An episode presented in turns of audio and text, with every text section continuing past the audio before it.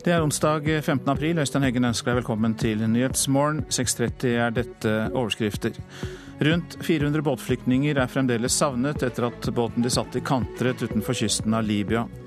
Pål Enger sier det er en misforståelse at han tilsto et ran mot en gullsmedbutikk i NRK-programmet Trygdekontoret. Stor intern motstand i Arbeiderpartiet mot kutt i barnetrygden for å betale for skolemat.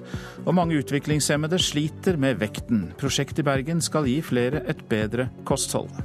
Sykler jeg mens jeg ser på TV. Varierer mellom sykkel og tur og trening på treningsstudio. Det sier Siri Arnesen, som klarte å gå ned 50 kilo. Rundt 400 eh, båtflyktninger er savnet etter at båten deres forliste utenfor kysten av Libya i går. 144 mennesker fra båten ble reddet av den italienske kystvakten.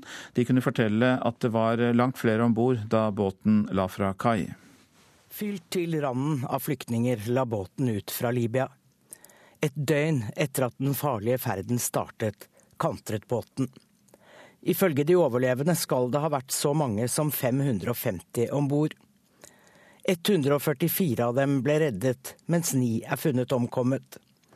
Det har vært søkt etter flere overlevende eller omkomne, men ingen flere er funnet. En representant for Redd Barna sier til BBC at det er mange barn og unge blant dem som er reddet. Det er det trolig også blant dem som er savnet. Hvis så mange som 400 har druknet, er dette den verste ulykken i Middelhavet på halvannet år. Da druknet 366 flyktninger utenfor den italienske øya Lampedusa. Fint vær og smul sjø har ført til at trafikken over Middelhavet har økt enormt de siste ukene. Mange av båtflyktningene får store problemer, og ifølge den italienske kystvakten har nærmere 8500 mennesker blitt plukket opp fra Middelhavet bare siden fredag i forrige uke. Anette Groth orienterte. Pål Enger sier det er en misforståelse at han tilsto et ran mot en gullsmedbutikk i 2003 i NRK-programmet Trygdekontoret, slik flere medier hevdet i går. Enger sier at han i intervjuet tok på seg skylden for et innbrudd i butikken i 1997, men avviser at han sto bak ranet fem år seinere. Og så står det liksom, viser de på nettet en bilde av en fyr i ran.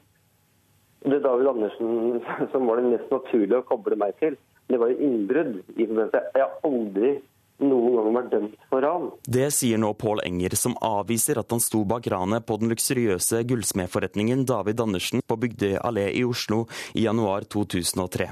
Pål Enger innrømmer å ha stått bak et innbrudd hos gullsmeden, men ikke det uoppklarte ranet, opplyser Engers advokat. Det var etter disse uttalelsene på trygdekontoret at flere sperret opp øynene. Etter brekk på David Andersen, så ringte du inn. Gullsmedbrekk?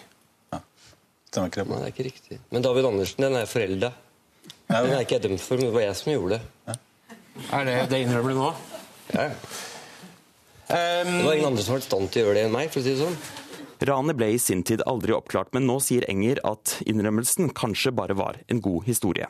Jeg har fortalt en historie og sagt at det var jeg som var hovedpersonen under det nest største gulltyveriet i Norge etter det andre som jeg gjorde i 1988, Toftbrett og der, der, der, ble det borte 3,5 millioner kroner, og det er 19, 19 år siden. Reporter her Martin Holvik. Advokaten til kvinnen som ble tvangsprostituert i Italia, mener at politiet må gjenoppta saken. Kvinner som er utsatt for menneskehandel skal få beskyttelse i Norge dersom de oppgir de kriminelle som står bak. I går kveld kom det fram i NRK Brennpunkt at politiet i Salten ikke fulgte opp saken. Nå må politiet gjenoppta den, mener den 28 år gamle kvinnens advokat. Ja, eh, det tenker jeg helt klart at den må og skal. Det sier Leas advokat Ingrid Holm Ellingsen. 14 år gammel ble Lea frakta fra hjemlandet Nigeria til Italia av menneskehandlere. I flere år ble hun tvunget til å prostituere seg. I 2008 kom hun til Norge, men til tross for at hun anga dem som sto bak, ble hun og dattera sendt ut av landet for tre år siden. Ellingsen sier det er viktig at politiet prioriterer slike saker. Denne gruppen kvinner er veldig sårbare, og der, dermed blir det fryktelig viktig å tilrettelegge alt som har med dialog og etterforskning ut fra det. Brennpunkt fant frem til personen Lea anga til politiet i Salten, og som i tillegg er dømt for menneskehandel. Nå mener Vanja Sæter i støttegruppa for Lea at eh, politiet må se på saken på nytt. For det foreligger faktisk opplysninger her som man ikke har vektlagt sånn som man burde i forrige omgang. Så jeg er ikke i tvil om at hennes oppholdssak må vurderes på nytt, og hennes straffesak må få eh, bedre oppfølging denne gangen. Nå håper både hun og Lea at politiet tar tak i saken, sånn at 28-åringen og de to ungene hennes kan få en sjanse til ei trygg fremtid i Norge.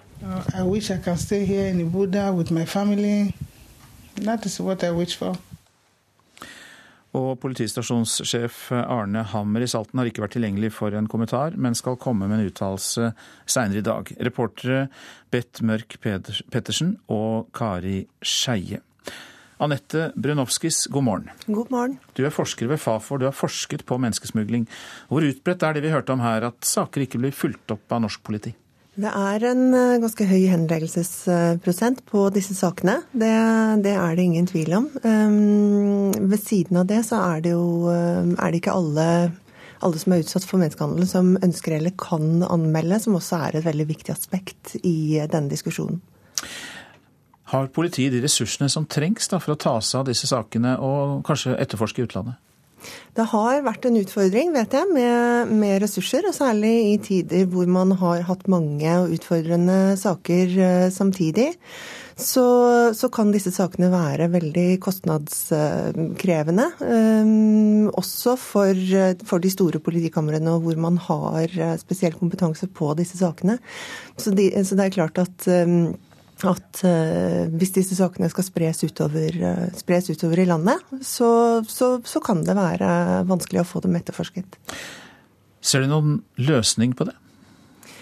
Eh, altså det, er, det, er, jo et spørsmål om ressurser, det er et spørsmål om prioriteringer. Det er et spørsmål om hvilke signaler man får, også politisk, på, på hvor, i hvor stor grad man skal prioritere disse sakene. Og, og, ikke minst at man faktisk opparbeider en reell kompetanse eh, og, og benytter seg av det internasjonale samarbeidet som det ligger til rette for at man kan gjøre. Du nevner ressurser, men du nevner også da andre ting. Og at det da kan være slik at uh, politiet ikke tar uh, slike anmeldelser alvorlig nok?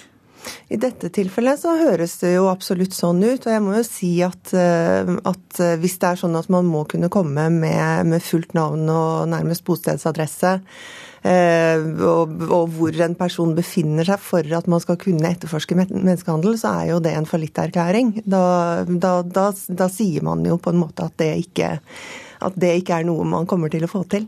For Man fikk jo inntrykk av eh, det i Brennpunkt-programmet at det ikke var så vanskelig å spore opp eh, de personene som kunne være skyldige her. Nei, Det er nettopp det jeg tenker på. Hvis, jeg tenker at hvis journalister greier å finne fram til viktig informasjon på såpass kort tid som det ble gitt inntrykk av i denne saken, så så burde man jo kunne forvente at politiet også gjør det. Fra din eh, forskning og dine funn, eh, og andres også, hvor stort er dette problemet med menneskehandel blitt i Europa?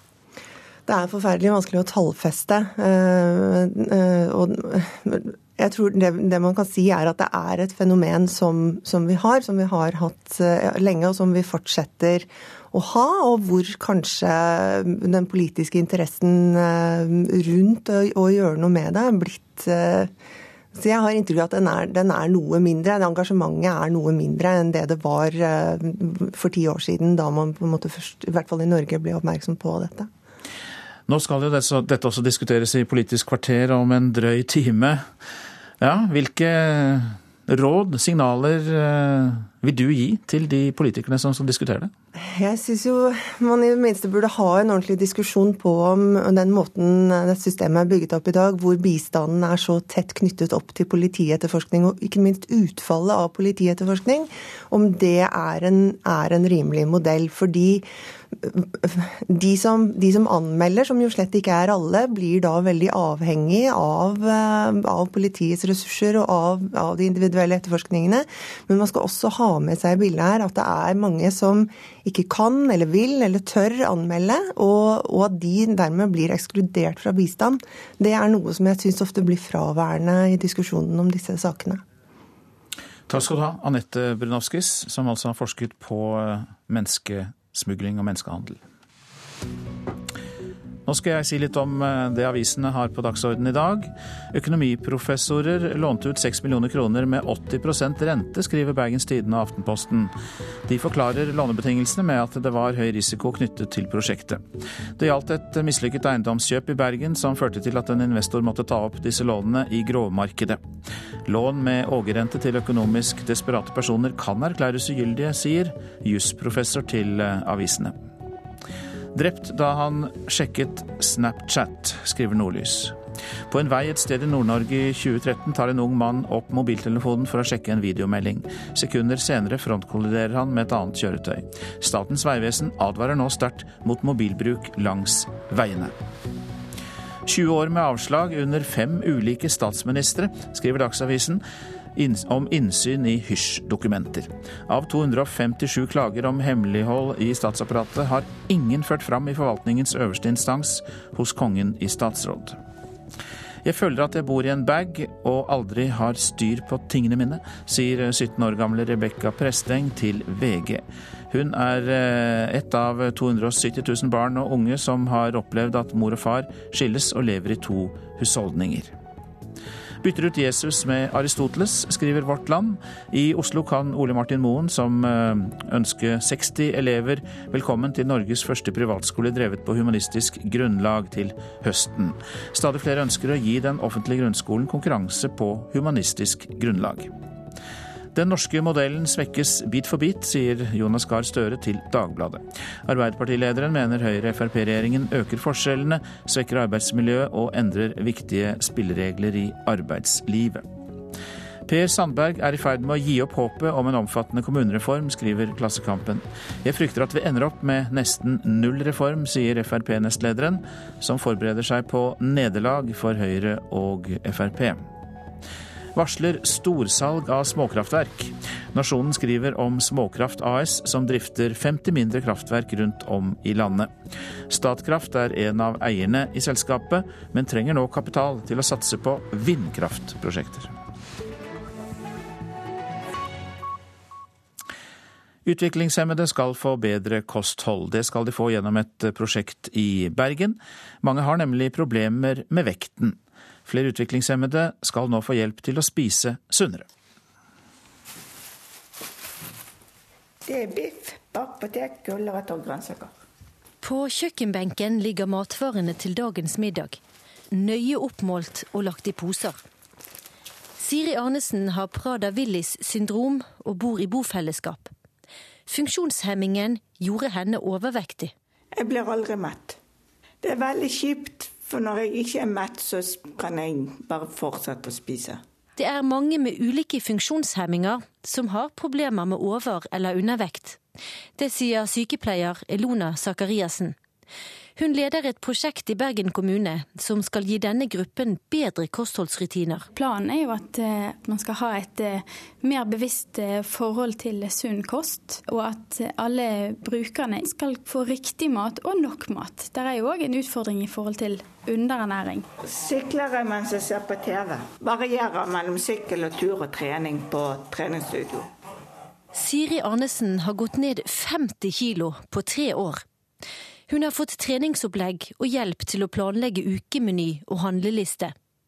Bragden hennes blir nå brukt som eksempel for andre funksjonshemmede. Monica Hauge er leder i Bergen kommune og har kjent Siri i mange år. Hun er stolt og imponert. Og De som ser hva Siri har klart i dag, de er utrolig eh, fascinert og glad for det. Det har vært veldig vanskelig, for jeg er veldig glad i mat, og den sykdommen gjør at det ikke alltid er like lett. Og reporter her, det var eh, Siri Løken. Og Helsedirektoratet har eh, Nei, Helsedirektoratet har vært med å finansiere prosjektet. Målet er at også resten av landet skal kunne bruke metodene som vi hørte om i Bergen. Nå til sluttspillet i NM i ishockey. Skåring på overtid og masseslagsmål preget den femte finalekampen mellom Stavanger Oilers og Storhamar. Det var Mathias eh, Trettenes som avgjorde for hjemmelaget. Kampen eh, var litt sånn eh, tullete og det var litt fram og tilbake, så det var utrolig deilig å få sette den siste der. Dere slipper de eh, inn igjen i tredje periode. Hva skjer? Nei, det, det, det, er jo et bra hockeylag, så hvis vi gjør noen få feil, så straffer de oss. og Da, så ble det sånn, men heldigvis så klarte vi å nullstille oss og gå ut i fjerde og ta kommando. Men selv etter kampslutt fortsatte dramatikken på isen. Like etter Trettenes satte inn seiersmålet for Oilers, brakte spillerne løs i et masseslagsmål. Det er sånn som skjer. Altså, hadde det gått andre veien, så kan det være at vi hadde gjort noe. Altså, sånn er det. Så det får vi bare takle. og så, så er det ferdig når vi går av isen. Stillingen står nå 3-2 til Stavanger Oilers, som allerede på torsdag kan avgjøre sluttspillet på Hamar OL Amfi. Oilers-trener Petter Thoresen er klar på hva som må gjøres før den tid. Vi må nok eh, stramme til litt mer disiplin i, i laget vårt, syns jeg. Da. For jeg syns vi gjør mye egne valg som ikke vi har blitt enige om. Storhamar hadde veldig mye sjanser i første perioden i dag. og, og det, det, lever vi farlig med da de skaper så mye på oss i, i den perioden der. Men Hvordan er motivasjonen i laget nå helt til slutten? Ja, Den er på topp. Vi spiller om en kongepokal, og nå leder vi 3-2. Og skal til Hamar eh, om et par dager, og da vi, der må vi være gode. Eh, spille mer som et lag enn jeg syns vi gjorde i perioder i dag, og, og ta initiativ eh, på den måten. Reporter her var Pia Hetland. Klokka den passerte nettopp 6.46. Dette er hovedsaker. Rundt 400 båtflyktninger er fremdeles savnet etter at båten de satt i kantret utenfor kysten av Libya. Pål Enger sier det er en misforståelse at han tilsto et ran mot en gullsmedbutikk i NRK-programmet Trygdekontoret. Og kyllingbøndene må kutte produksjonen med opptil 20% Det skal vi høre mer om ganske straks. Forslaget om å kutte i barnetrygden for å finansiere skolemat møter kraftig motstand internt i Arbeiderpartiet. Saken er en av de mest kontroversielle på partiets landsmøte, som starter i morgen. Sør-Trøndelag er et av fylkeslagene som vil avvise forslaget. Fordi vi er veldig for skolemat, men ikke kutt i barnetrygda. Sier fylkesleder Eva Kristin Hansen. Det er partiets eget helseutvalg som har kommet med forslaget om å redusere barnetrygden med 350 kroner per måned og bruke pengene på et skolemåltid. Det første jeg tenkte, var at jeg tenkte faktisk at dette var litt sprekt, fordi at det er ganske tøft å gå løs på barnetrygda. Men det blir altså for tøft for mange. En gjennomgang av endringsforslagene viser at fire fylkeslag og flere lokallag, deriblant Bergen og Stavanger, protesterer. Det blir jo litt sånn å ta med den ene hånda og gi med den andre. Og dem som trenger både skolemat og barnetrygda mest, er det her viktig for. Og da tror vi at det må finnes andre måter, hvis vi virkelig vil dette her, og finne andre måter å finansiere det på. Reportere Katrin Hellesnes og Siv Sandvik. Kyllingbøndene må altså kutte produksjonen med opptil 20% Etterspørselen etter kylling har falt kraftig. Derfor har alle kyllingbønder fått beskjed om å produsere mindre. Det er mindre trangt om plassen i fjøset etter at forbrukernes appetitt på masseprodusert kylling ble svekket. Negativt fokus på antibiotikaresistente bakterier og bruken av narasin i kyllingfôr gjør at pilene peker nedover i næringen. Sånn tydelig nedgang som vi har hatt nå, det, det er en ny, ny, situasjon, i hvert fall de siste 15 åra. Sier leder i Norges Bondelag Lars Petter Bartnes. Ifølge Norsk Fjørfelag har alle kyllingbøndene fått beskjed om å kutte 15-20% av produksjonen. Men Bartnes vil ikke dramatisere situasjonen. De, de kutta vil skje litt ulikt mellom de ulike markedsaktørene sine produsenter, men i gjennomsnitt så er det 14-15 det, det at du får en korreksjon eh, i, i bransjen, det er eh, ikke helt uventa. Hvis trenden fortsetter, vil det selges 13 millioner færre kyllinger i år enn i fjor. Utregninger for årets jordbruksoppgjør viser at det gir inntektssvikt på ca. 250 000 kroner for en kyllingbonde. Men svikten kommer etter mange år med eventyrlig vekst.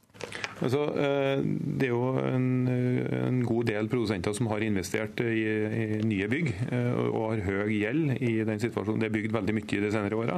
De er jo mest utsatt i en situasjon der at eh, du må ta ned produksjonen. Så det blir jo 14-15 mindre volum å dele kostnadene på.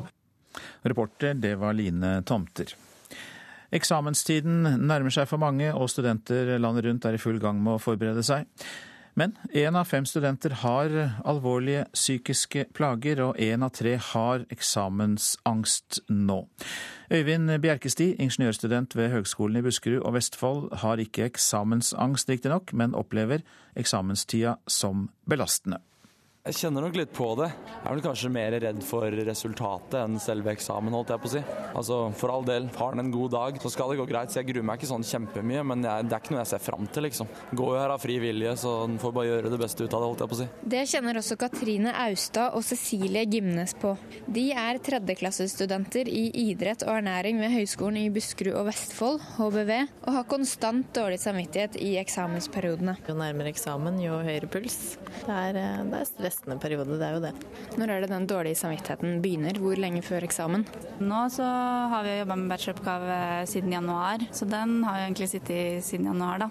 Ellers så begynner den vel kanskje en måneds tid, to måneder før. jeg har på en måte varsla familie og venner om at nå er ikke jeg sosial på to måneder, så da ses vi om en stund. Studentenes helse- og trivselsundersøkelse fra 2014 viser at hver femte student har alvorlige psykiske plager. Totalt har 28 mye eller litt eksamensangst. HBV er ikke med i undersøkelsen, men ifølge Roar Johansen, rådgiver på skolen, er resultatene representative også for HBV. Kanskje 80% av de som kommer til meg har en eller annen angst problematikk, depresjon, føler seg mistilpassa, også i den grad at det går utover studiene.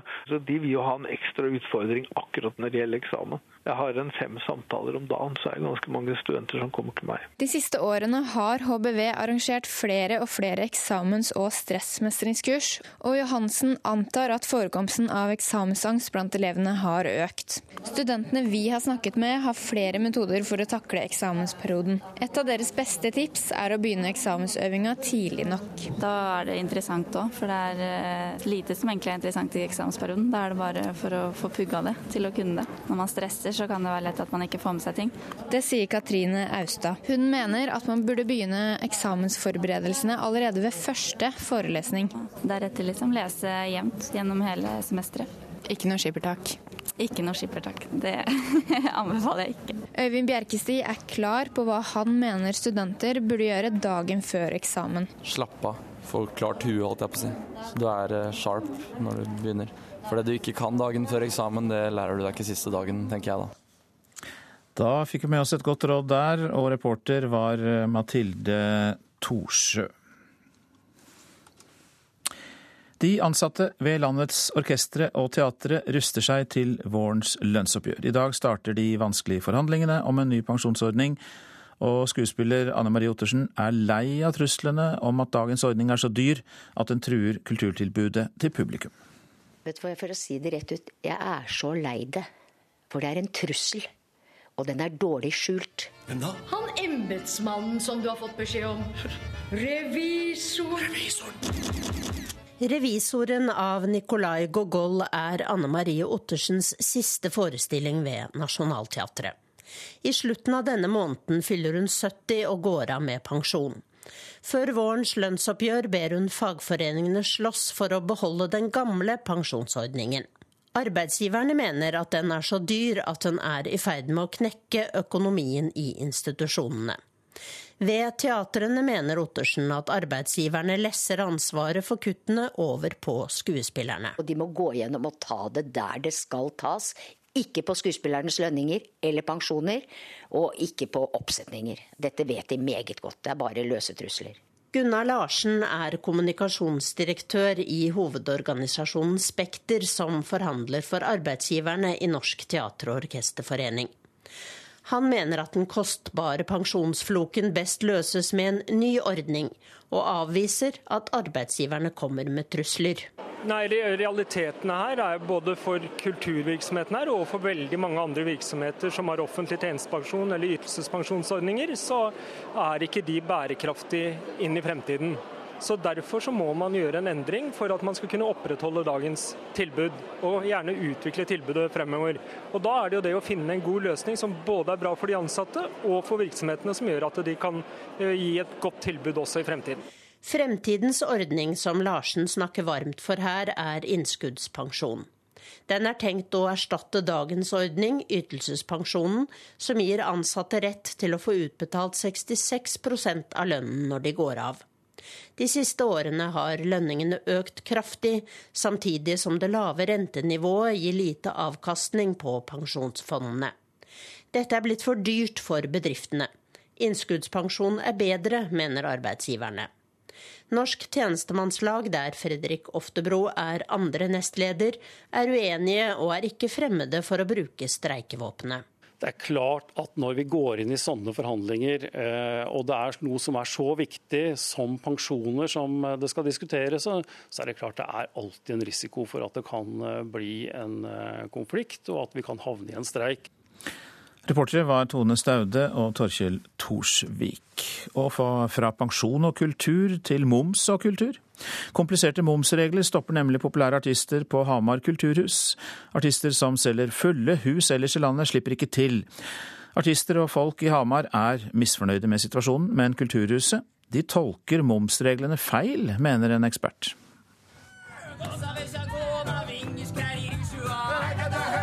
Øystein Sundes låter i teaterversjon dro fulle hus i Hamar kulturhus i fjor. Men sjøl har han ikke fått slippe til. Eller Ingrid Bjørnov. Det irriterer meg litt. Eller Halvdan Sivertsen. Jeg likte deg dårlig.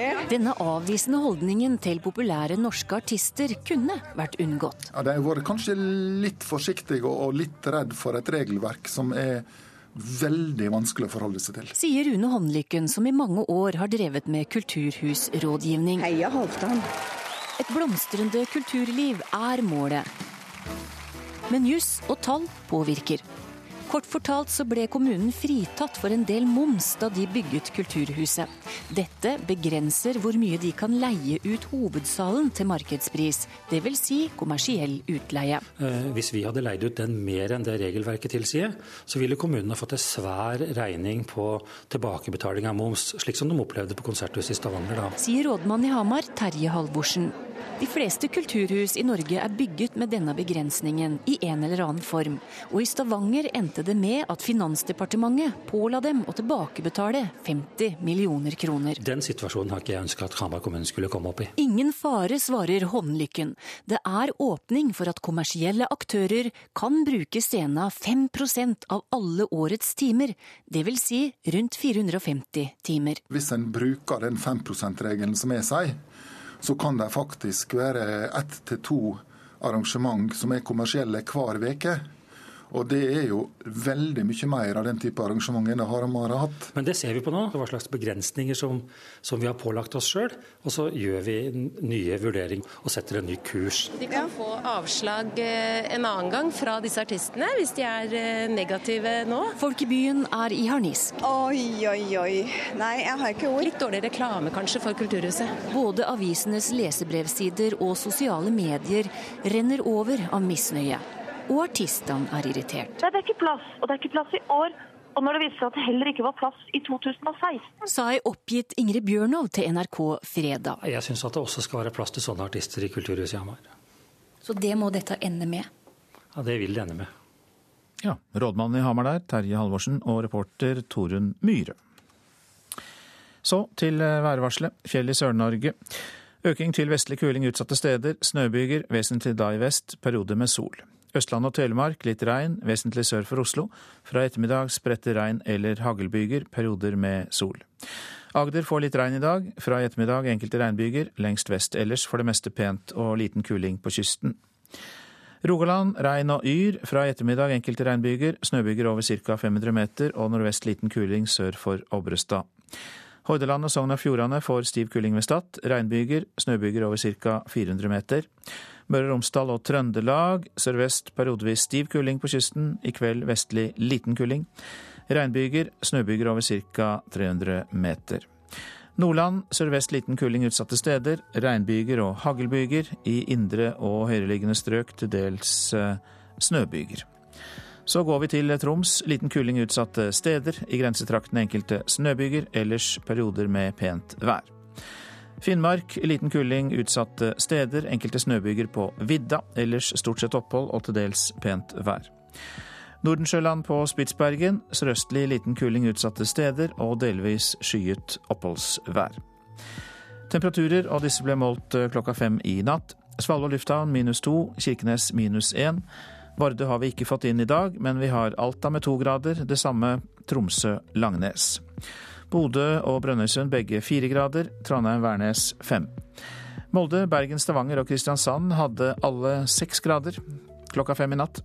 Gardermoen to grader, Lillehammer én grad, Røros minus tre og Oslo-Blindern hadde pluss to grader da klokka var eh, fem i natt. Og så sier vi eh, etter hvert farvel til våre lyttere i eh,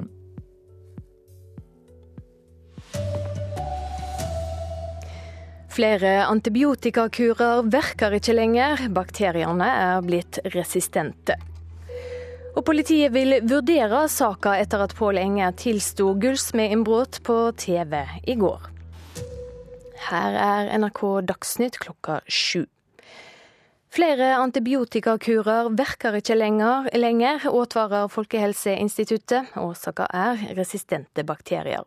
Hver fjerde nordmann får resept på antibiotika hvert år. Snart er det bare én medisin som virker mot blodforgiftning. Det forteller overlege ved Folkehelseinstituttet, Martin Steinbakk. Vi er nå snart på grensen til å gå over til det vi vil kalle for siste valg, altså reservevalget vi har. Men hvis vi må ta de midlene i bruk som førstevalg når vi får pasienter inn med en alvorlig blodforgiftning, så har vi ingen reservemedisin. Da er dødeligheten høy hvis vi ikke har effektive antibiotika å behandle med. Og hvert år får 6000 mennesker blodforgiftning her i landet. Oslo-politiet vil vurdere tilståinga fra Pål Enger på TV-programmet Trygdekontoret i går. Flere medium hevder at Enger tilsto ran mot en gullsmedbutikk i 2003. Sjøl sier han at han tok på seg skylda for et innbrudd i butikken i 1997. Politiet vil uansett se på saka, sier leder for seksjon for organisert kriminalitet ved Oslo politidistrikt, Einar Aas. Eh, nå har jo eh, vi tatt utgangspunkt i den versjonen som eh, forelå i går kveld.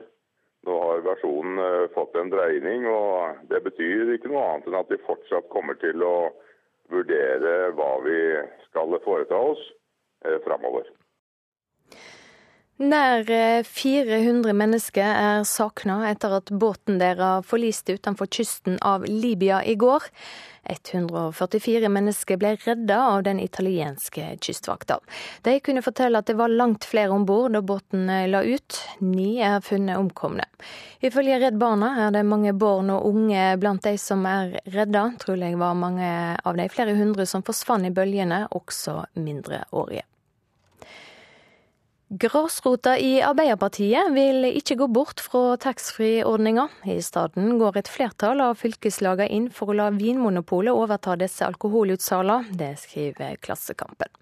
I forkant av landsmøtet i Arbeiderpartiet denne veka har et partiutvalg gått inn for å avvikle taxfree-ordninga, men i kulissene blir det jobba for et kompromiss. 13 av 18 fylkeslag avisa har snakka med, er positive til å la Vinmonopolet ta over taxfree-salet. Det var eh, NRK Dagsnytt i studio, Silje Sande. Nyhetsmorgen fortsetter med disse sakene. Ja, hva må helsevesenet gjøre for å hindre at livsviktig antibiotika ikke kan brukes lenger? Faren for motstandsdyktige bakterier er tema også i Nyhetsmorgen. Nordmenn sparer mer i aksjefond enn på mange år. Vi gir noen råd til sparerne nå når bankrenta er så lav. Statsminister Erna Solberg håper regnskogsamarbeid med Indonesia kan gjenopplives. Obama gir etter for de folkevalgte, godtar at en atomavtale med Iran skal behandles i den amerikanske kongressen. Vi hørte det i Dagsnytt. Flere av antibiotikakurene her i landet virker ikke lenger. Den advarselen kommer fra Folkehelseinstituttet. Årsaken er overforbruk av antibiotika og motstandsdyktige bakterier. Og vi har allerede begynt å merke konsekvensene. Her er det. Det er doxylin. Og akkurat mot uh, kjønnssykdommer så tar man det her en uke ca. Farmasøyt Karoline Skorstad viser fram antibiotikaen hun selger mest av. Eh, før så var det veldig vanlig å bruke Acitromax, for den er så enkelt. For det er bare to tabletter, og så ferdig. Eh, men nå har de bakteriene, de klamydia-bakteriene blitt resistent mot Acitromax. Så da har de gått over til Doxylin som førstevalg nå. Det er ikke den eneste antibiotikaen som blir bytta ut. Flere medisiner her i landet fungerer snart ikke lenger fordi bakteriene er blitt resistent. Det som bekymrer oss, er at antibiotikaresistens øker. Sier overlege ved Folkehelseinstituttet Martin Steinbakk. En av medisinene som snart ikke kan brukes lenger, er antibiotikaen rundt 6000 pasienter med operasjonssår og blodforgiftning får for å overleve. Medisinen er så vanlig at mange bakterier har utvikla seg til å bli resistent. Reservemedisin blir derfor brukt oftere, og det er bare et tidsspørsmål før heller ikke den fungerer godt nok, sier Steinbakk. Vi er nå snart på grensen til å gå over til det vi vil kalle for siste valg, altså reservevalget vi har. Men hvis vi må ta de midlene i bruk som første valg når vi får pasienter inn med en alvorlig blodforgiftning, så har vi ingen reservemedisin. Da er dødeligheten høy hvis vi ikke har effektiv antibiotikabehandling. I gjennomsnitt vil én av fire her i landet få en resept på antibiotika i år. Dobbelt så mange som for 30 år siden. Foreløpig finnes ingen oversikt over konsekvensene, men i Europa fører antiresistens og mangel på ny og effektiv antibiotika til 25 000 dødsfall i året. Antibiotika er en begrenset ressurs, så hvis vi ikke husholderer forskrivningen vår godt nok, så vil vi øke utviklingen av antibiotikaresistens ganske betydelig. Vi har eh, aposelin. Det selger vi en del av. Acitromax. Skorstad har stort utvalg av medisin. Når en antibiotika ikke virker på bakteriene, finnes det foreløpig alltid et annet alternativ. Og så har vi Doxylin, eh, Dalasin Reportasjen var laget av Marit Gjelland. Og fra studio i Bergen, overlege Ingrid Smith, god morgen. God morgen. Du jobber ved Nasjonal kompetansetjeneste for antibiotikabruk i spesialhelsetjenesten.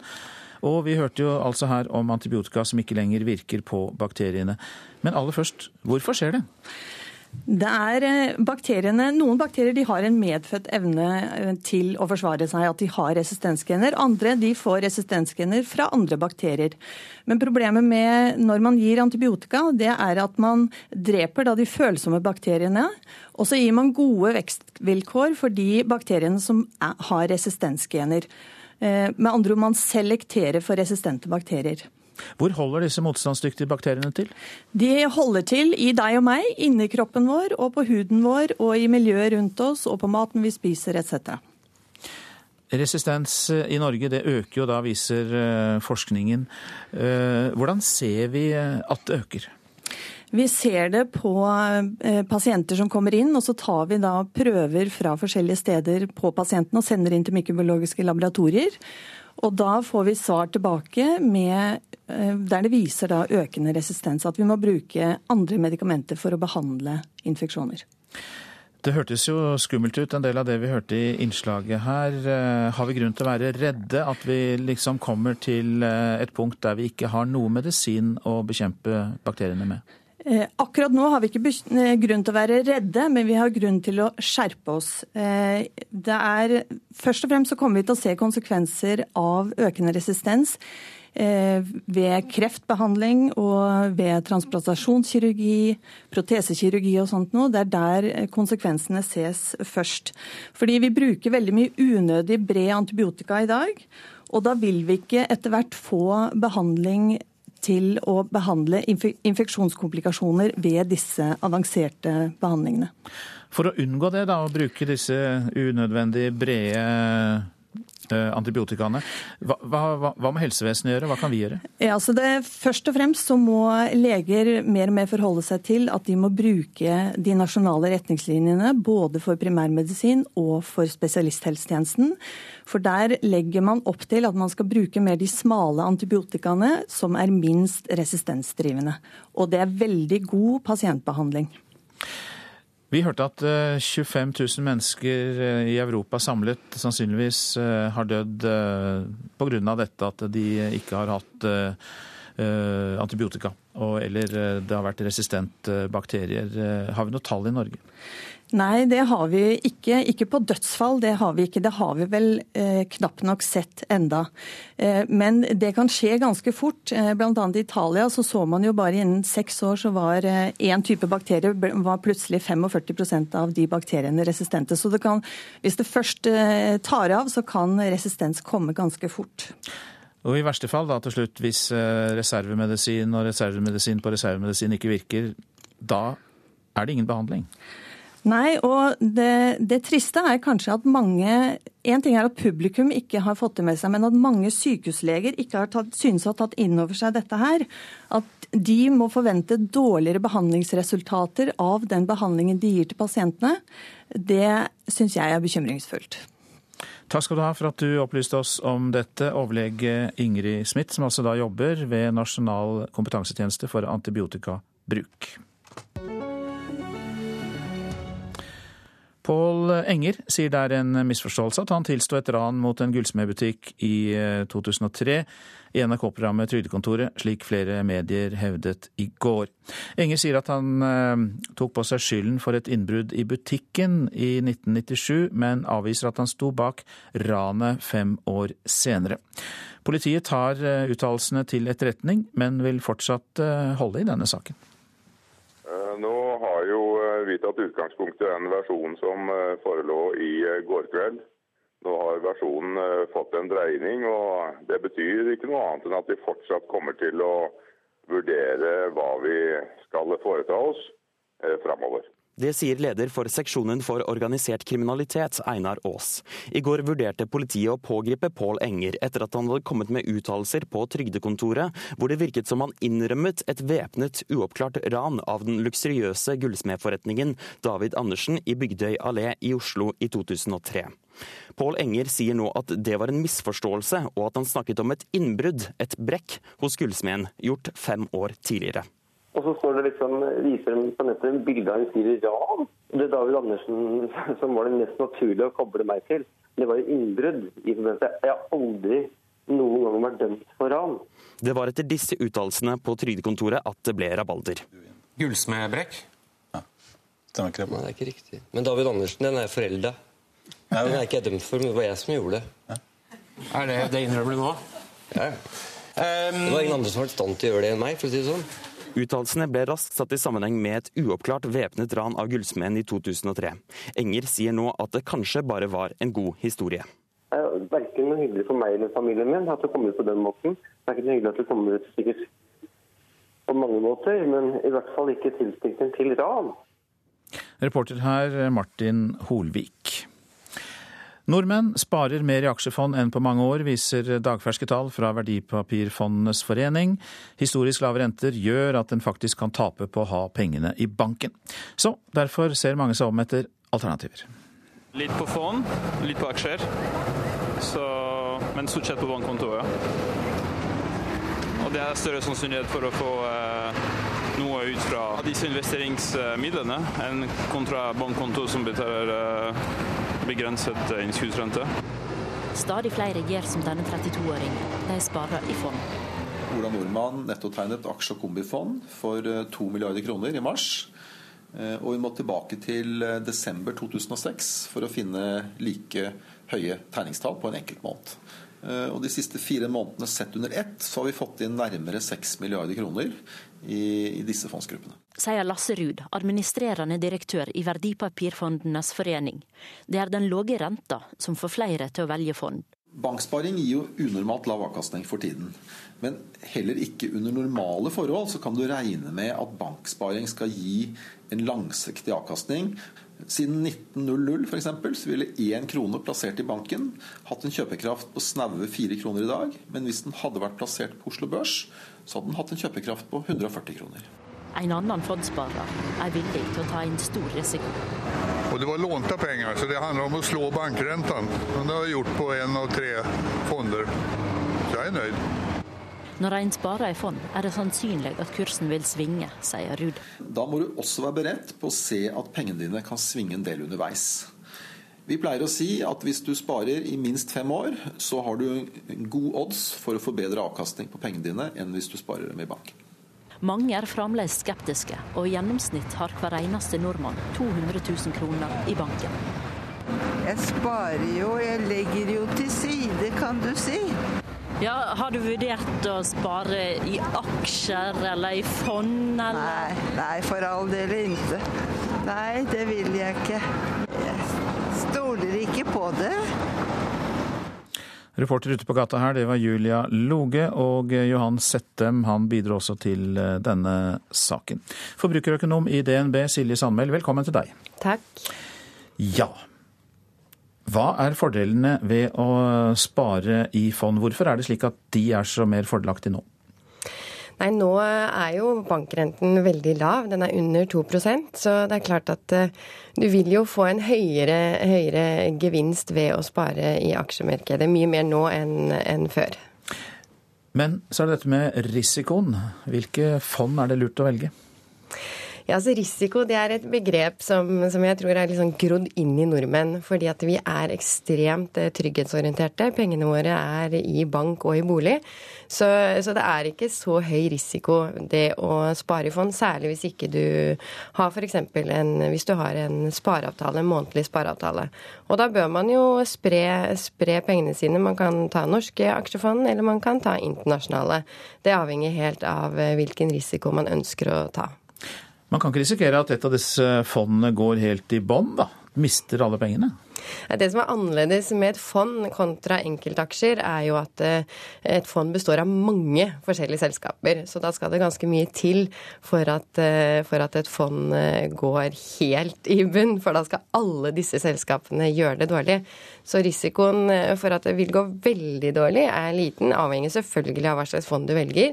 Men, men det er klart at du, du, kan tape på å ha pengene i aksjefond. Så, så dette er jo penger som bør være langsiktig. Men eh, hvis man eh, har lyst på verken eh, fond eller bank, er det noe annet som gir gevinst nå, da? Gull, kunst, persiske tepper?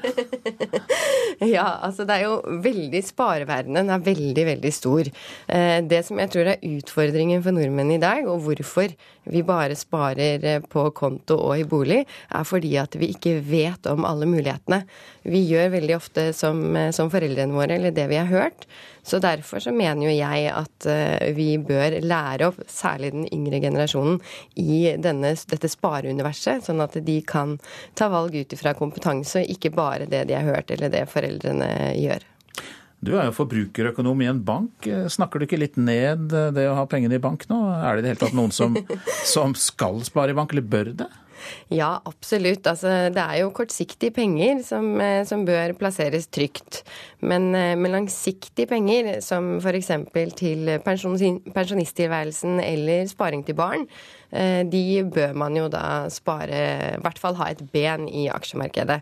Og så er det jo noe med at vi, vi må være flinkere til å spre sparepengene våre. Ikke bare satse på ett kort, men putte litt på banken, selvfølgelig litt i bolig og litt i aksjemarkedet. Takk skal du ha, Silje Sandmæl, som altså da er forbrukerøkonom i DNB.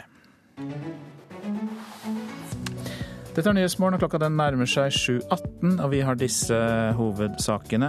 Pål Enger sier det er en misforståelse at han tilsto et ran mot en gullsmedbutikk i NRK-programmet Trygdekontoret. Vi har hørt at livsviktige livsviktig antibiotika snart ikke kan brukes lenger. Det er advarsler fra eksperter. Og vi skal høre at Obama gir etter for de folkevalgte. Han godtar at en atomavtale med Iran skal behandles i den amerikanske kongressen. Statsminister Erna Solberg håper regnskogsamarbeidet med Indonesia kan gjenopplives under hennes besøk i landet. Det har gått eh, fire år siden Norge lovet å betale opptil seks milliarder kroner dersom Indonesia reduserer avskogingen. Men foreløpig er lite av pengene utbetalt, og prosjektet er flere år forsinket. Vi har hatt et regjeringsskifte om en ny president, som, eh, og det har vært viktig for oss å få bekreftet denne regjeringens eh, og presidentens vilje til videre å satse, og at dette er høyt på deres agenda.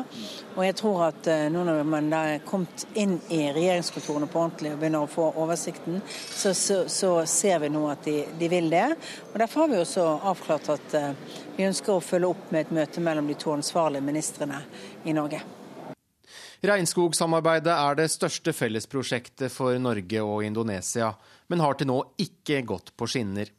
Om lag halvparten av Indonesias regnskog er allerede ødelagt, og har gjort dette landet med 250 millioner innbyggere til verdens tredje største utslipper av klimagasser.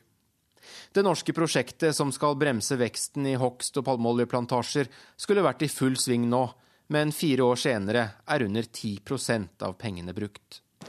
Det har tatt lang tid å få de første resultatene. Det gjorde det egentlig i Brasil òg. Eh, vi har kanskje større tro på at vi kommer raskt i gang enn det. er. Du skal endre kulturer, du skal endre eh, måter å jobbe på. Du skal få sildret ned den toppavtalte ja, måten å jobbe på nedover i organisasjoner. Og det at det da tar to, tre, kanskje fire år før man ser resultater, det er ikke jeg så forbauset over med den erfaringen vi nå har fra flere andre prosjekter. Utenriksminister Retno Marsudi understreker overfor NRK at den nye regjeringen er forpliktet til å følge opp regnskogsamarbeidet. So far, and up to now, Indonesia would like to restate its commitment that we would like to continue the Norway context of uh, RED Plus.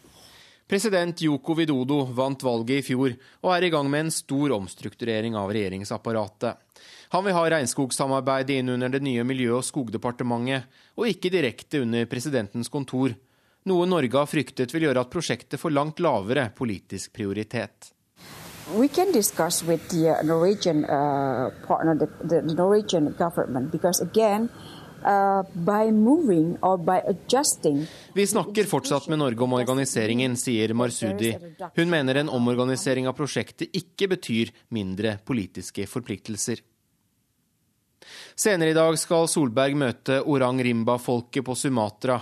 Det er særlig Indonesias urfolk som har følt effekten av avskogingen på kroppen.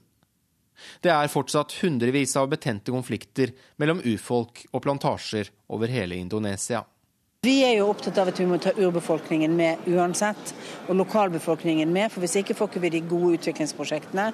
Husk at det vi primært betaler for eh, etter hvert, det er jo faktisk penger som går til prosjekter som bidrar til at befolkningen i områdene som alternativt ville levd av at man drev rovdrift på skogen, faktisk har noe annet å leve av. Og eh, vår reporter som følger Erna Solberg i Indonesia, er Peter Sevår. President Barack Obama har snudd og godtar nå at en eventuell atomavtale med Iran skal behandles i den amerikanske kongressen. Tidligere har han sagt at han vil legge ned veto mot et lovforslag som krevde kongressens godkjenning, men eh, en variant av lovforslaget ble vedtatt av et enstemmig senat i går. Kampen mellom presidenten og den republikanskdominerte kongressen har i seg selv truet forhandlingene om en atomavtale med Iran. For Irans ledelse har gjort det klart at den ikke ønsker noen avtale uten at sanksjonene heves og en vesentlig del av sanksjonene som er i kraft, er vedtatt av de folkevalgte og må oppheves av dem. Det ble etter hvert klart at mange av senatorene fra Obamas eget parti var enige med republikanerne i at Kongressen bør få behandle avtalen. Den opprinnelige loven ble så noe modifisert, og i går ble den enstemmig vedtatt i Senatet. Kravet om at presidenten hver 90. dag skal forsikre Kongressen om at Iran ikke støtter terrorister, er droppet, og Obama må vente i 30, ikke 60 dager før han hever noen av sanksjonene mot Iran doesn't believe this is an acceptable trans uh, transaction have the opportunity for a resolution of disapproval which would stop those sanctions from being lifted. Og hvis Kongressen mener det ikke er en akseptabel avtale, så sørger den for å vedta en resolusjon som hindrer at sanksjonene blir hevet, sier formannen i Senatets utenrikskomité Bob Corker i går kveld. I så fall vil nok også iranerne tenke at det ikke er for seint å snu. Hvis det altså blir noen avtale i det hele tatt. Groholm, Washington. Så til dagens avisoppslag. Økonomiprofessorer lånte ut 6 millioner kroner med 80% rente, skriver Bergens Tidende og Aftenposten. De forklarer lånebetingelsene med at det var høy risiko knyttet til prosjektet. Det var et mislykket eiendomskjøp i Bergen som førte til at en investor måtte ta opp disse lånene i gråmarkedet. Lån med ågerrente til økonomisk desperate personer kan erklæres ugyldige, sier jusprofessor til avisene. Drept da han sjekket Snapchat, skriver Nordlys. På en vei et sted i Nord-Norge i 2013 tar en ung mann opp mobiltelefonen for å sjekke en videomelding.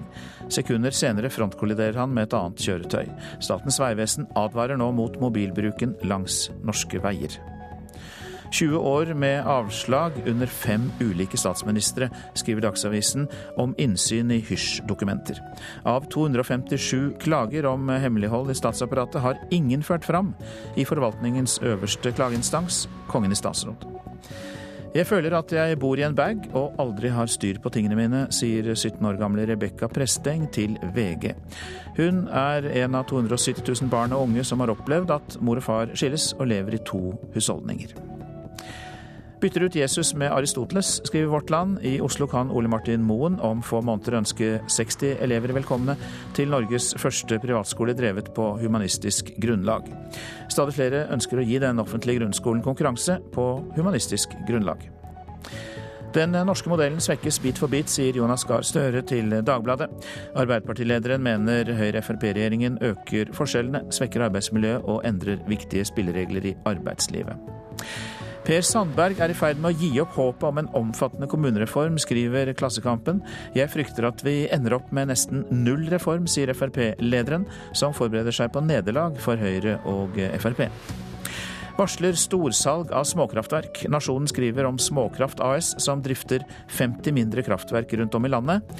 Statkraft er en av eierne i selskapet, men trenger nå kapital til å satse på vindkraft. Kjøp og salg på Facebook nå.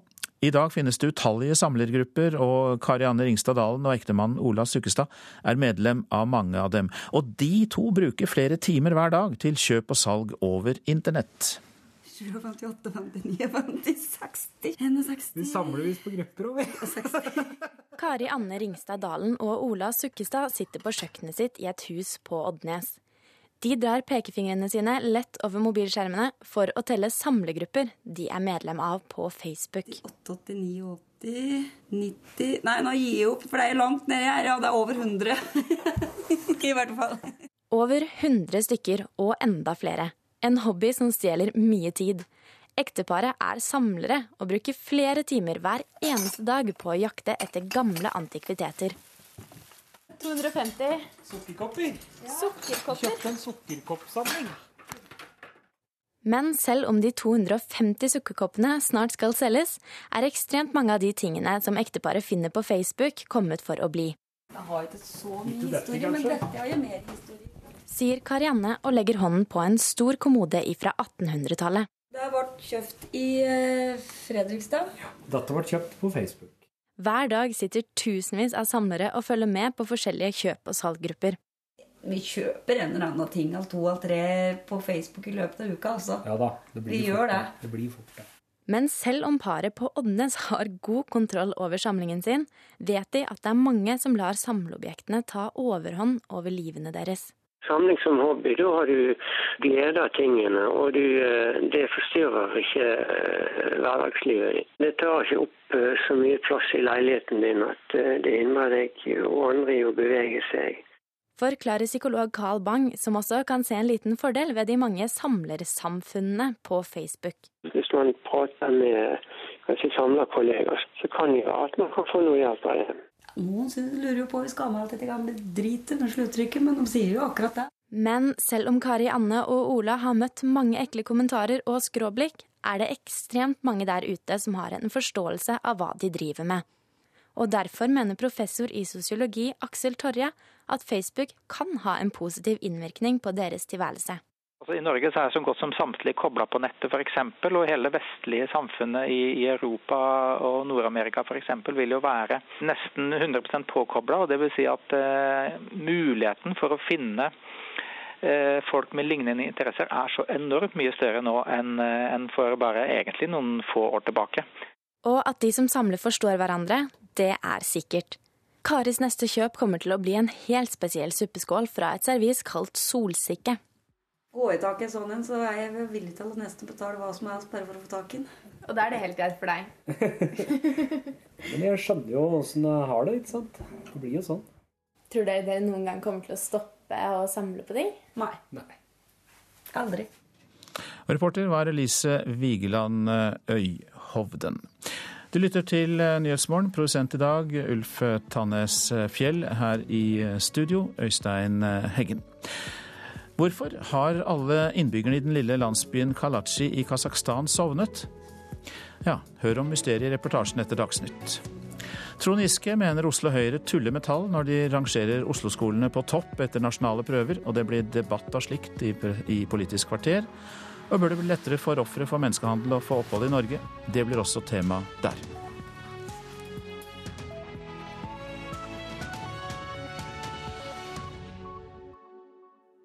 Spillerom i dag. Uh, you wake up and you have a day ready to discover new thing. It's fantastic. Den ene setter søkelyset på kreolske forbindelser, den andre på barokkomponisten Antonio Caldara. Begge løfter de fram musikk fra fortida. Møt Morten Gunnar Larsen og Fabio Biondi i Spillerom i dag.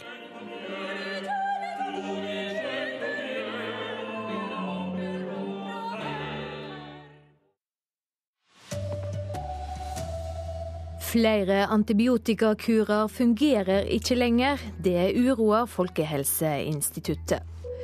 Pål Enger tilsto på TV i går, men det er full forvirring om hva han tok på seg skylda for.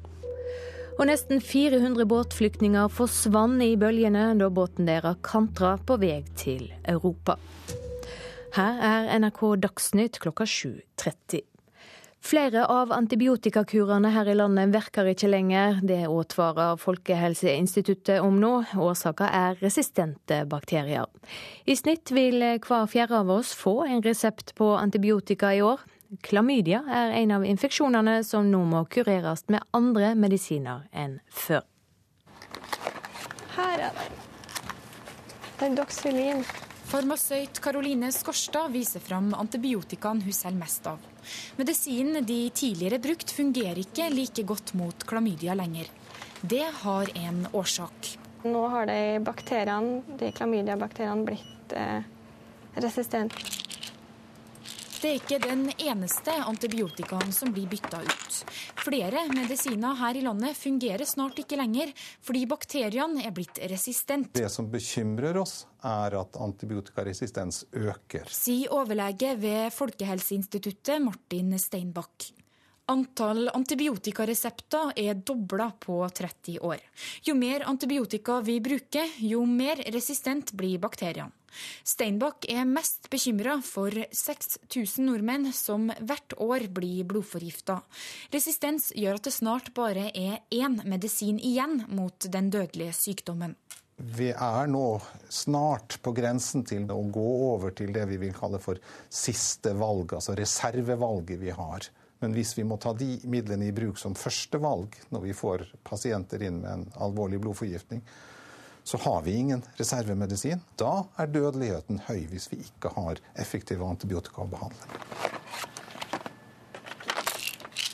Reporter Marit Gjelland. Oslo-politiet vil vurdere tilståinga fra Pål Enger på NRK-programmet Trygdekontoret i går. Flere medium hevder at Enger tilsto ran mot en gullsmedbutikk i 2003. Sjøl sier han at han tok på seg skylda for et innbrudd i butikken i 1997. Politiet vil uansett se på saka, sier leder for seksjon for organisert kriminalitet ved Oslo politidistrikt, Einar Aas. Nå har jo vi tatt utgangspunkt i den versjonen som forelå i går kveld. Nå har versjonen fått en dreining, og det betyr ikke noe annet enn at vi fortsatt kommer til å vurdere hva vi skal foreta oss. Det sier leder for seksjonen for organisert kriminalitet, Einar Aas. I går vurderte politiet å pågripe Pål Enger etter at han hadde kommet med uttalelser på Trygdekontoret hvor det virket som han innrømmet et væpnet, uoppklart ran av gullsmedforretningen David Andersen i Bygdøy allé i Oslo i 2003. Enger sier nå at det var en misforståelse, og at han snakket om et innbrudd, et brekk hos gullsmeden, gjort fem år tidligere. Og så står det liksom, viser de på nettet en bilde av en fyr i ran. Det er David Andersen som var det mest naturlige å koble meg til. Det var jo innbrudd. i. Jeg har aldri noen gang vært dømt for ran. Det var etter disse uttalelsene på Trygdekontoret at det ble rabalder. Gullsmedbrekk? Nei, det er ikke riktig. Men David Andersen, den er forelda. Den er ikke jeg dømt for, men det var jeg som gjorde det. Er det det innrømmer du nå? Ja. Politiet vil i dag arbeide med å få klarhet i saken, etter at Enger nå mener han ble misforstått. Verken noe hyggelig for meg eller familien min at det kom ut på den måten. I hvert fall ikke tilknytning til ran. Reporter Martin Holvik. Nær 400 båtflyktninger er savna etter at båten deres forliste utenfor kysten av Libya i går. 144 mennesker ble redda av den italienske kystvakta. De kunne fortelle at det var langt flere om bord da båten la fra kai. Fylt til randen av flyktninger la båten ut fra Libya. Et døgn etter at den farlige ferden startet, kantret båten. Ifølge de overlevende skal det ha vært så mange som 550 om bord. 144 av dem ble reddet, mens ni er funnet omkommet. Det har vært søkt etter flere overlevende eller omkomne, men ingen flere er funnet. En representant for Redd Barna sier til BBC at det er mange barn og unge blant dem som er reddet. Det er det trolig også blant dem som er savnet. Hvis så mange som 400 har druknet, er dette den verste ulykken i Middelhavet på halvannet år. Da druknet 366 flyktninger utenfor den italienske øya Lampedusa. Fint vær og smul sjø har ført til at trafikken over Middelhavet har økt enormt de siste ukene. Mange av båtflyktningene får store problemer, og ifølge den italienske kystvakten har nærmere 8500 mennesker blitt plukket opp fra Middelhavet bare siden fredag i forrige uke. Det sa utenriksreporter Anette Groth. Et eh, forslag om å kutte i barnetrygda for å finansiere skolemat møter kraftig motstand internt i Arbeiderpartiet. Framlegget kommer fra partiets eget helseutvalg og skal diskuteres på landsmøtet som starter i morgen. Leder for Sør-Trøndelag Arbeiderparti, Eva Kristin Hansen, tror ikke det blir vedtatt. Det er dem som har minst, som både trenger skolemat og barnetrygda mest. Det blir litt sånn å ta med den ene hånda og gi med den andre. Jeg tror det er viktig at man finner en ordning for å finansiere skolemat, men at folk fortsatt beholder barnetrygda. Og det gjelder alle. Jeg mener at barnetrygda bør være for alle, men den er kanskje viktigst for dem som har minst. Nordmenn sparer mer i aksjefond enn på mange år. Det syner tall fra Verdipapirfondenes forening. Historisk lave renter gjør at du faktisk kan tape på penger i banken. Jeg sparer jo, jeg legger jo til side, kan du si. Ja, Har du vurdert å spare i aksjer eller i fond? Nei, for all del ikke. Stoler ikke på det. Selv om denne dama ikke har tillit til fond, så er det stadig flere som ser at de kan tjene mer på å ha pengene i fond enn på å ha dem i banken. Ola Nordmann nettotegnet aksje- og kombifond for 2 milliarder kroner i mars. Og vi må tilbake til desember 2006 for å finne like høye tegningstall på en enkelt måned. Sier Lasse Ruud, administrerende direktør i Verdipapirfondenes forening. Det er den lave renta som får flere til å velge fond. Banksparing gir jo unormalt lav avkastning for tiden. Vi pleier å si at hvis du sparer i minst fem år, så har du god odds for å få bedre avkastning på pengene dine enn hvis du sparer dem i bank. Da må du også være beredt på å se at pengene dine kan svinge en del underveis. I gjennomsnitt har hver eneste nordmann 200 000 kroner i banken, sier Elisabeth Realfsen, daglig leder i Finansportalen.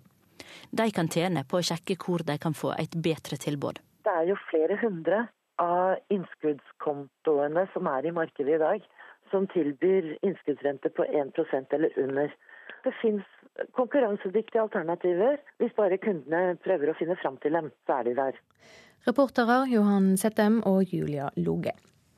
Siri Arnesen gikk ned 50 kilo da hun fikk hjelp med trening og matplanlegging. Nå skal flere utviklingshemma få det samme tilbudet. Mange av de har problemer med enten over- eller undervekt. Prosjektet i Bergen skal gi hjelp til å ete sunnere. Det er biff, bakt potet, gulrøtter og grønnsaker. På kjøkkenbenken ligger matvarene til dagens middag. Nøye oppmålt og lagt i poser. Siri Arnesen har Prada-Willis syndrom og bor i bofellesskap. Funksjonshemmingen gjorde henne overvektig. Jeg blir aldri mett. Det er veldig kjipt, for når jeg ikke er mett, så kan jeg bare fortsette å spise. Det er mange med ulike funksjonshemminger som har problemer med over- eller undervekt. Det sier sykepleier Elona Sakariassen. Hun leder et prosjekt i Bergen kommune som skal gi denne gruppen bedre kostholdsrutiner. Planen er jo at eh, man skal ha et eh, mer bevisst eh, forhold til sunn kost, og at alle brukerne skal få riktig mat og nok mat. Det er jo òg en utfordring i forhold til underernæring. Sykler er mens jeg ser på TV. Varierer mellom sykkel og tur og trening på treningsstudio. Siri Arnesen har gått ned 50 kilo på tre år. Hun har fått treningsopplegg og hjelp til å planlegge ukemeny og handleliste. Bragden hennes blir nå brukt som eksempel for andre funksjonshemmede. Monica Hauge er leder i Bergen kommune og har kjent Siri i mange år. Hun er stolt og imponert. Og de som ser hva Siri har klart i dag, de er utrolig eh, fascinert og glad for det. Det har vært veldig vanskelig, for jeg er veldig glad i mat, og den sykdommen gjør at det ikke alltid er like lett. Og Helsedirektoratet er med på å finansiere prosjektet. Målet er at også resten av landet skal kunne bruke metodene. Reporter Siri Løken. Ansvarlig for eh, Dagsnytt denne morgenen, Anne Skårseth. Teknisk ansvarlig Per Ivar Nordahl. I studio Silje Sande.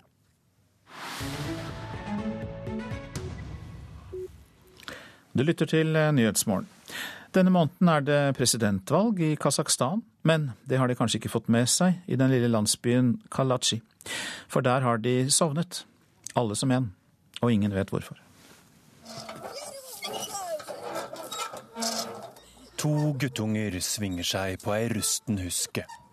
Lekeplassen er overgrodd, boligblokkene rundt er delvis fraflytta og delvis rast sammen. Gruvene folk en gang levde av, har vært nedlagt siden 1980. På en sokkel fra sovjettida peker en sliten Lenin utover det som er igjen. Det er en søvnig liten landsby, bokstavelig talt. Ser du huset der borte? De sover der også. De som kan, har reist herifra. Og de som ikke har noe sted å dra, de blir igjen, sier Olga Samosenko.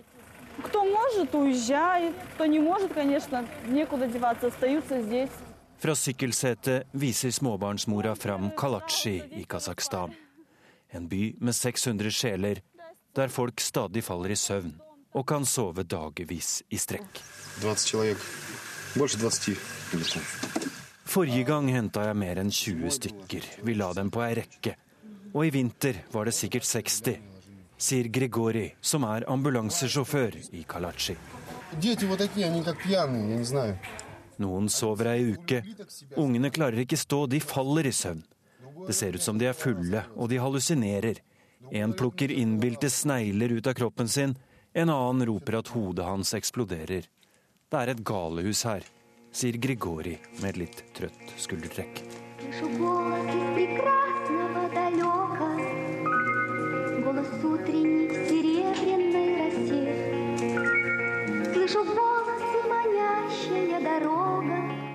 En fjerdedel av innbyggerne i Kalachi har falt i søvn på uforklarlig vis.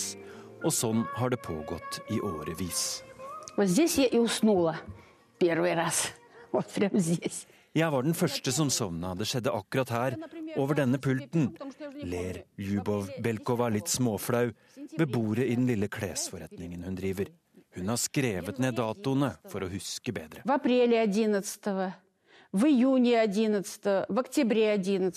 April og september 2010, januar, april, juni og oktober 2011, mars 2012, sier den godt voksne butikkdama, som av legen fikk beskjed om at hun trolig hadde hatt et drypp.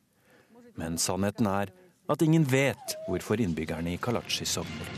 Сонная болезнь – это не вирус. Буквально несколько часов назад стали известны первые результаты исследований, которые проводит бригада казахстанских ученых в Акмолинском... Washington Post, The Guardian, Russia Today og Siberian Times. Alle har de latt seg fascinere av mysteriet i den forfalne gruvebyen. Kasakhstans beste leger og forskere er tilkalt. Drikkevann og jordsmonn er undersøkt. Matvarer og luftkvalitet likeså. Og så lenge ingen finner noen forklaring, fortsetter de å spekulere, store som små.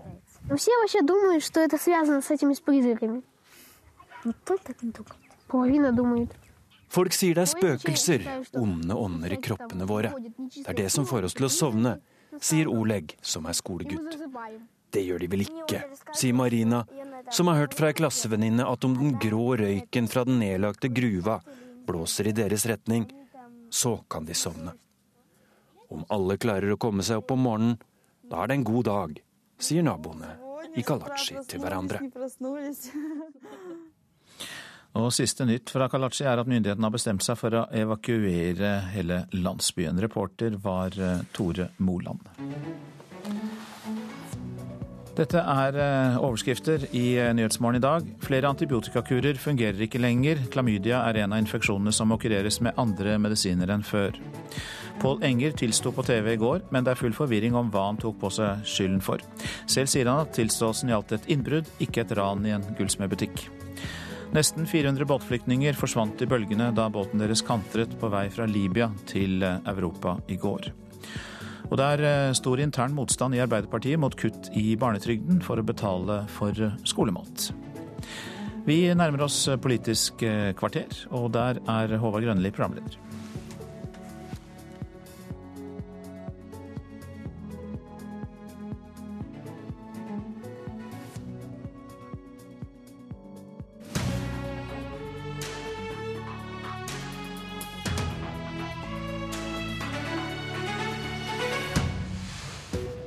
Nok en gang blir Oslo-skolen politisk slagmark i en krangel om resultater på nasjonale prøver. Og bør det bli lettere for kvinner som er offer for menneskehandel å få opphold i Norge? Det mener KrF etter gårsdagens Brennpunkt. Det er nesten en årviss seanse. Når resultatene fra de nasjonale prøvene kommer, finner Oslo-resultatene veien til spaltene. Hovedstaden blir framstilt som den beste skolen. Og så kommer påstandene, påstandene, om drilling til prøver, om at for mange Oslo-elever blir fritatt fra prøvene. Rett og slett juks, blir det sagt. Denne gangen var det lederen i utdanningskomiteen på Stortinget, Arbeiderpartiets Trond Giske, som eh, gikk til angrep. Etter Jubel-Oslo-oppslaget i helga skrev du en kronikk, Giske, der du skriver at Oslo Høyre tuller med tall, og at det er juks å bruke resultatene slik Høyre gjør. Hvordan, etter ditt syn, tuller Oslo Høyre med tall?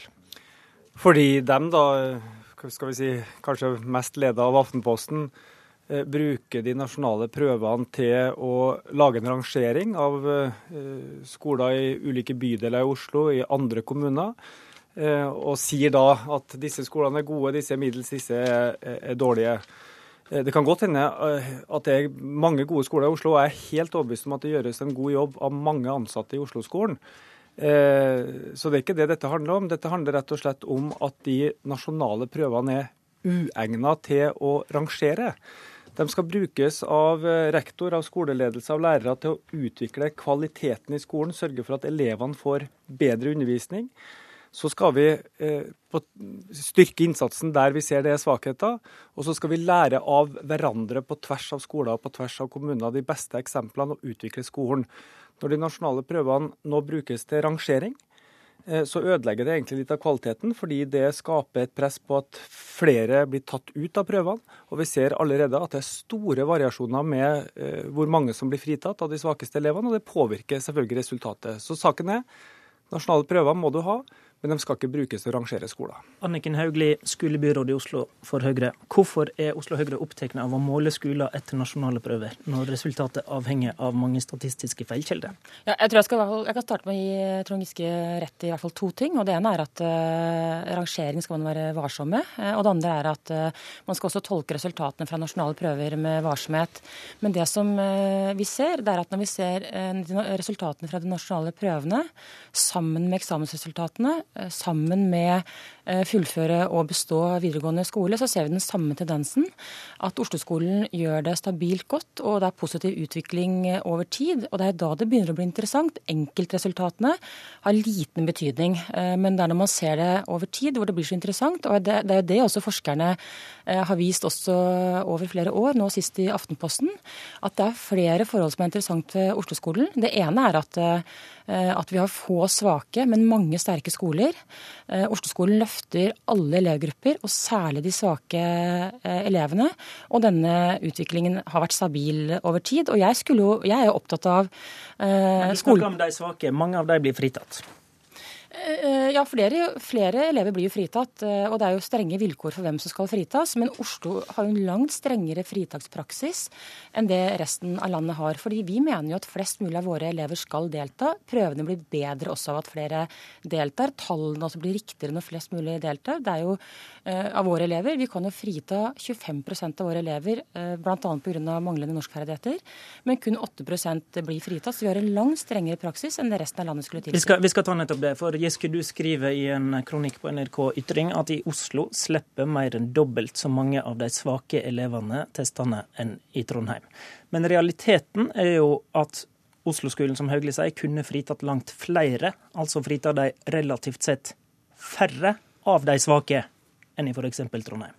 Jeg mener hele den argumentasjonen eh, som du nå ramser opp, er nok et argument for at de nasjonale prøvene ikke kan brukes til sammenligning. Men, men står du ved påstanden om at i Oslo slipper mer enn dobbelt så mange av de svake elevene testene ja, i Trondheim? Det kan du lese på skoleporten. I eh, Trondheim slipper 3% i Oslo slipper 7-8% i ja, Kristiansand du, slipper 2 eh, i noen eh, skoler slipper 20 Men du skriver om hvor mange som blir fritatt av de svake elevene, og da må vi forutsette at du tenker på de som faktisk kan bli fritatt da, etter regelverket. Ja, men, er det en påstand som er korrekt? Ja, det, det, er korrekt at over dobbelt så mange slipper prøvene i Oslo som i f.eks. Trondheim. Så er spørsmålet hvor mange bør slippe. Det er opp til kommunene å bestemme det. Det er et stort skjønn. fordi at du kan, du kan ta fri alle som har spesialundervisning. Men spesialundervisning bestemmer også kommunen sjøl. Det er ikke noe som er pålagt. Noen prøver å integrere elevene inn i vanlig undervisning, andre bruker spesialvedtak i stort monn. Så, så poenget er at det er så mange feilkilder og ulike faktorer som påvirker dette. Psykisk helse, foreldres bakgrunn, mange andre ting. Og Det gjør at nasjonale prøver må brukes til det de skal brukes til, å gjøre skolen bedre. Men nå har jo Høyre pressa gjennom at nå skal resultatene offentliggjøres på hver enkelt skole. Jeg tror oppslaget i Aftenposten bare er begynnelsen på at vi får dette som vi så under Clemet. Lange lister med kommunens beste skole, med fylkets beste skole. Her er dumpeskolen. Vi husker de jeg vil si nesten egentlig forferdelige historiene vi, vi hørte den gangen, hvor elever gruer seg til å ta testen fordi de er redd for at de skal ødelegge for skolen sin. Og Sånn skal ikke testene brukes. Vi må og, slutte å rangere. Og Haugli, når du har skoler med oppi 30% av elevmassen fritatt, er det brukende til noe som helst da, som et resultat? Ja, først vil jeg si at Det er, det er grenser for hvor mye skjønn kommunene har. Det er jo strenge vilkår for hvem som skal uh, kunne fritas. Uh, og vi slipper jo gjennom langt flere av våre såkalt svake elever enn det resten av landet gjør, fordi vi mener at uh, det er viktig. Og så til dette med sammenligning. Men, men, ja. Det er klart at det er mulig at, ikke, at man skal være varsom med sammenligning. Men samtidig så er det også sånn at nasjonale prøver eh, måler jo kompetansemålene fastsatt av nasjonale eksperter, og man får jo prøver i det som er pensum. Så det er jo ikke helt uh, tilfeldig. Og, og, og, og, dere oppmuntrer til sammenligning? Altså, Vi er opptatt av at prøvene hos oss bruker vi de til eh, skoleutvikling på den enkelte skole. Men Dere har jo en politikk der det er viktig å offentliggjøre resultat på skolenivå. Ja, vi har ingenting å, har ingenting å skjule. Vi mener at uh, åpenhet uh, er viktig. Altså Det er en viktig institusjon, og selvfølgelig skal vi vite hva som skjer i skolen. Men, men du mener ikke det, det egentlig er gunstig å sammenligne? Nå avbryter du veldig mye. Det ja. som er viktig å huske på, det er at åpenhet om disse resultatene Det har jo alltid vært offentlig tilgjengelig resultatene på skolen. Også Giskes side var det det. Forskjellen før og nå er at før var det litt mer knotete å få ut informasjonen, men den var offentlig tilgjengelig også før. Men jeg mener jo at når man formidler resultatene, så har journalistene stort ansvar i å være varsom i hvordan dette presenteres. Hensikten er at man skal bruke det i skoleutvikling. Men det som jeg etterlyser når jeg ser f.eks. I, i Oslo, det er at uh, Oslo Arbeiderparti er jo helt fraværende i skoledebatten. Det er helt umulig å vite hvor de vil med skolen. Vi mener jo at den kursen som vi har staket ut, og de resultatene vi viser til, er veldig gode, og vi kan dokumentere det. Ikke bare oss selv, hadde det vært bare vi selv som kunne si det, men det er jo også anerkjente skoleforskere uh, landet rundt som dokumenterer at det som skjer i Oslo, er positivt. Men vi har mange utfordringer igjen. Kjære venn, vi har lang vei vei å gå før vi kan lene oss tilbake og være fornøyd. Men vi ser at vi har en positiv utvikling, og den trenden eh, har, Giske, har, eksistert lenge. Giske, hvorfor er det viktigere å påpeke det du peker på, enn å anerkjenne den jobben som blir gjort i Oslo-skolen med å faktisk løfte mange tusen svake elever? Jeg mener at det er fullt mulig å gjøre begge deler anerkjenne den jobben mange tusen ansatte i Oslo-skolen gjør med elevmassen sin, som man gjør i resten av landet. det er ikke det du først og fremst gjør? Nei, det jeg først og fremst gjør, er å advare mot at vi nå begynner igjen å bruke de nasjonale prøvene til eh, rangering. Eh, på enkelte skoler er det kanskje 20-30 femteklassinger. Én elev vil kunne påvirke resultatet så mye at det kan havne på forsida av Aftenposten. Sånn kan vi ikke ha det. Isteden må vi lære av hverandre, utvikle skolen, dele på gode praksiser, sette inn mer tidlig innsats, styrke skolehelsetjenesten, følge opp de svake elevene, sånn at vi får en bedre skole. Det er målet med nasjonaltestene, og det må de brukes til. Takk til Trond Giske i Arbeiderpartiet og Anniken Hauglie i Høyre.